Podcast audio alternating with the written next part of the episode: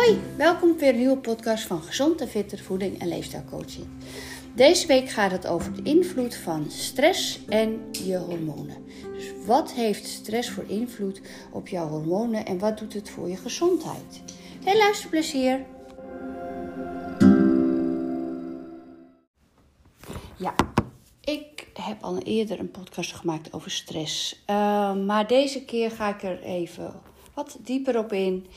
Uh, sowieso is het een hele belangrijke um, ja, negatieve veroorzaker voor heel veel problemen. En voor een disbalans in je hormonen. En dus dan ook uh, heel ongezond voor jouw leef, leefstijl en gezond voor je, ongezond voor je lijf. Nou, um, ik ben nu begonnen, bijna klaar met de opleiding Hormoon Leefstijlcoach. En daar leer ik, heb ik heel veel geleerd over um, welke hersendelen welke hormonen aansturen. En uh, wat het uiteindelijk doet voor je disbalans. En ook, uh, nou ja, wat je, wat je kan krijgen als, als je daar niet goed naar luistert. Of in ieder geval je er niet bewust van bent. Um, en tegenwoordig in mijn praktijk, sinds ik met die cursus begonnen ben, merk ik gewoon dat ik vaak al een omslag maak van. Eh, ik ga niet meteen met de voeding beginnen, maar eerst eens van hey, hoe, kom je, hoe zit jij in je leven en hoe zit het met die stress, disbalans of. Ik vind sowieso stress een, uh, eigenlijk een heel negatief uh, woord. Want bij stress denk ik meteen aan dat je de hele tijd loopt te flippen door het huis of tuut, tuut, tuut, tuut. Maar eigenlijk is het uh, vind ik ook stress is ook een, dat je altijd aanstaat. Dus dat je een heel druk leven hebt en dat je dus de lat voor jezelf heel hoog legt.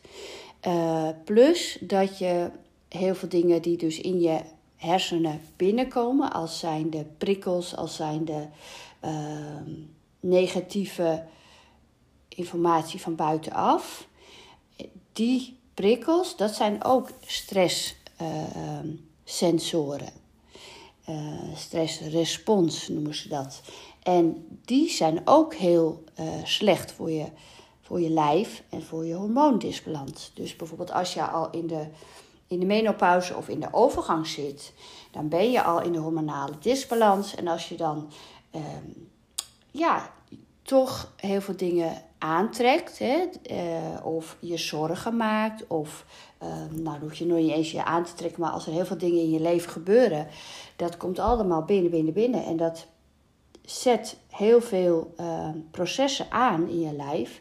En dat is ook stress. En die stress, daar wordt niet zo vaak over gesproken.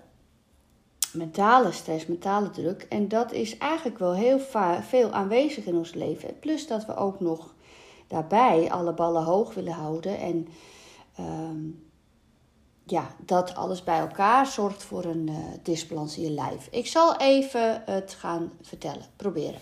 Stresshormonen, hè? dus wat zijn de effecten? Ik ga even dus vanuit de basis weer vertellen.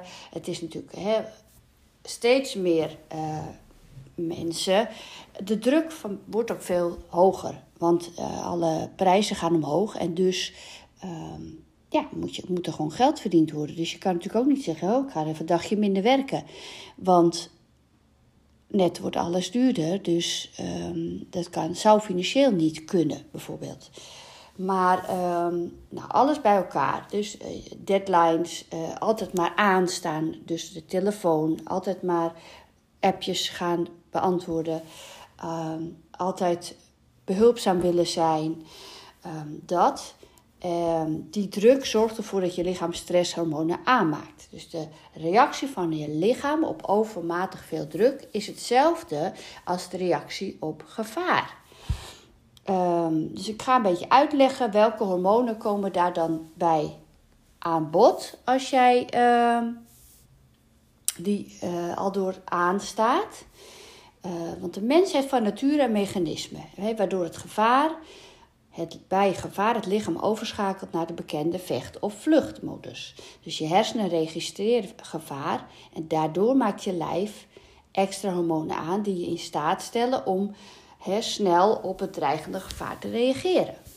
En normaal gesproken zijn die processen in je lichaam gericht op het opnemen van voedingsstoffen door je spijsvertering, het immuunsysteem, dat je beschermt tegen ziektes.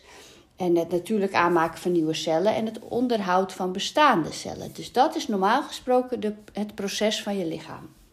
Maar in gevaarmodus worden al deze processen, die gezamenlijk ervoor zorgen dat je gezond blijft, die, gaan, die worden naar achter geschoven.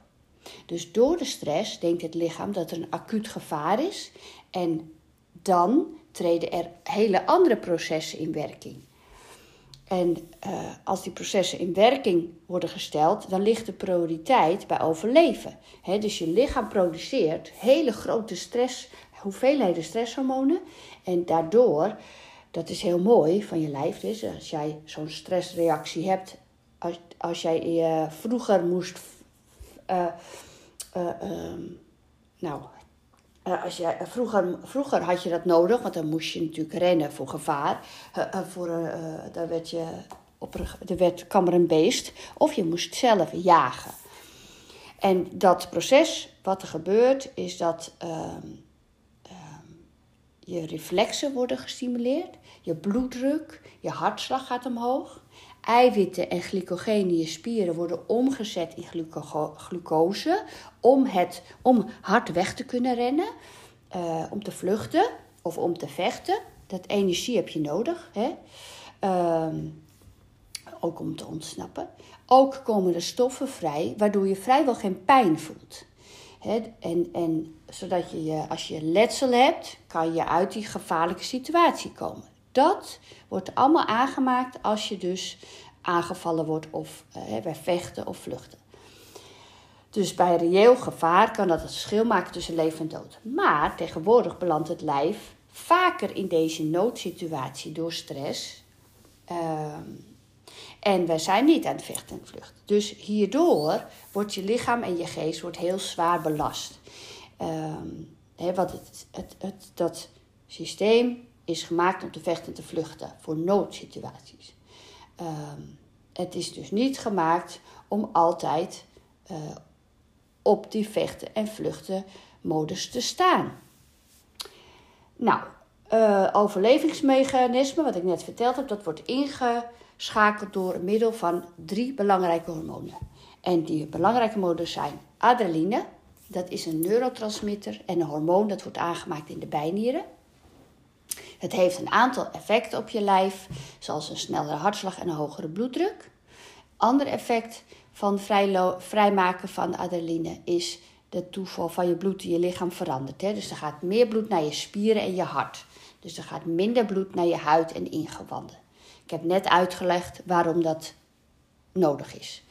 De bronchiën in je longen worden verwijt, zodat je meer zuurstof kan innemen. Want je moet vluchten, weet je nog? Nou, adrenaline zorgt er ook voor dat de aanmaak van spijsverteringssappen verminderen. En dat zet je spijsvertering op een laag pitje. Want als jij aan het vechten en aan het vluchten bent, heb je geen tijd om te eten. heb je ook geen tijd om honger te hebben. Dus die energie die je normaal gebruikt voor het verteren van voeding, wordt omgeleid naar je spieren en je hersenen. Ook zorgt het ervoor, ik heb het nog steeds over die adrenaline, ook zorgt ervoor dat de aanmaak Ehm, dat dat uh, ook zorgt ervoor dat je zenuwstelsel sneller gaat werken. Dus het, het vermindert, uh, het zorgt ervoor dat de spijsverteringssappen verminderen. En uh, je spijsvertering gaat op een laag pitje. Nou, doordat die adrenalinegehalte in je lichaam heel erg stijgt, komt die energie die je lijf heeft opgeslagen in je leven en spieren in de vorm van glycogeen vrij. Hierdoor stijgt de hoeveelheid glucose in je bloed heel erg. Dan hebben we nog noradrenaline.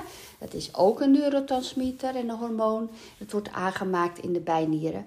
En ook deze stof komt bij stress in hele grote hoeveelheden vrij. Effect van noradrenaline zijn meer of meer hetzelfde als adrenaline.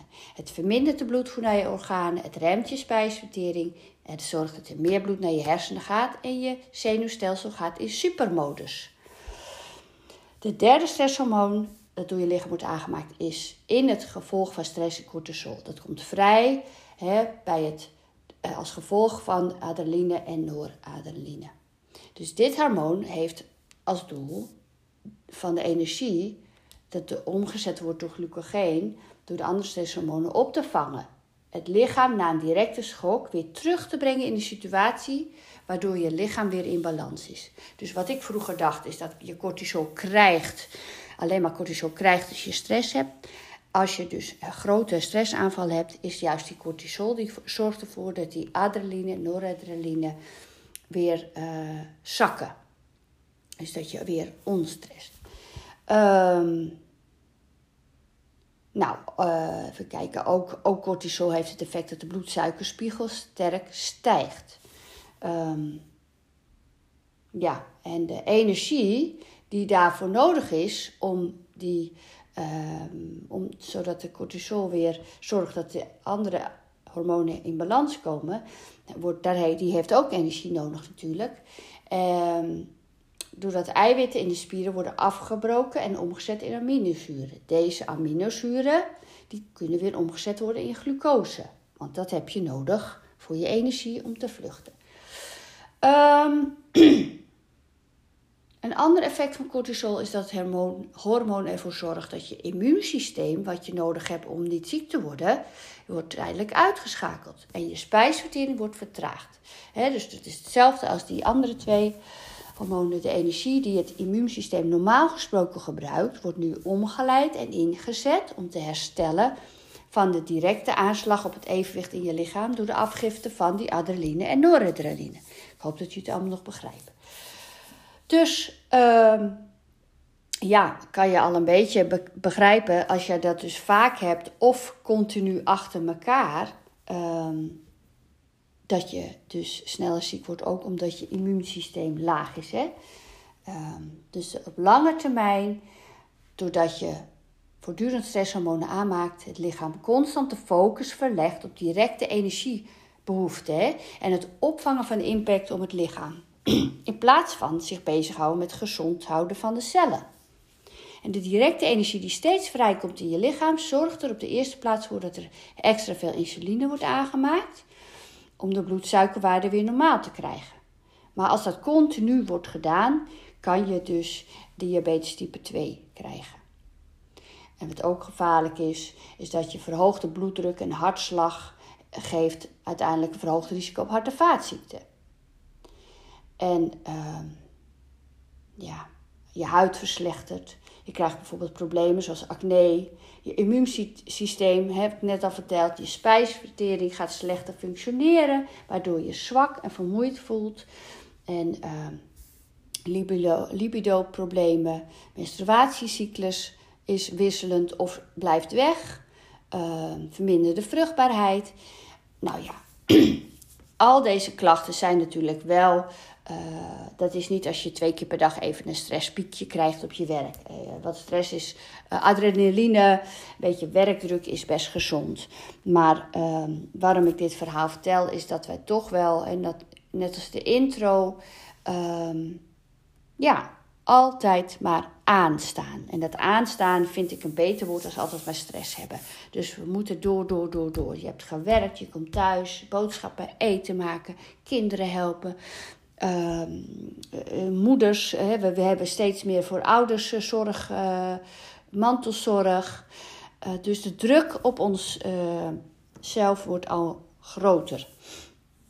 En dat geeft ook, nou wat ook nog even belangrijk is, hè, dus de cortisol is ook een heel belangrijk hormoon, omdat het ook de groei van vetcellen bevordert.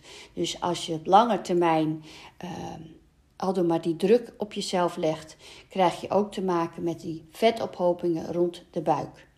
Terwijl je armen en je benen door die spierafbraak, hè, want dat heb ik ook net verteld, dat het mooi, uh, je hebt spierafbraak omdat die glucogeen en de eiwitten nodig zijn. Uh, zijn dus die armen en die benen worden wat dunner. Dus mocht je, mocht je dat bij jezelf constateren van hé, hey, ik heb minder spier spiervorming bij mijn armen en benen en mijn buik wordt al dikker. Kan, dat, kan je voor jezelf even gaan kijken van, hé, hey, is, is dat zo? Ben ik altijd maar aan? Sta ik altijd maar dienstbaar voor iedereen?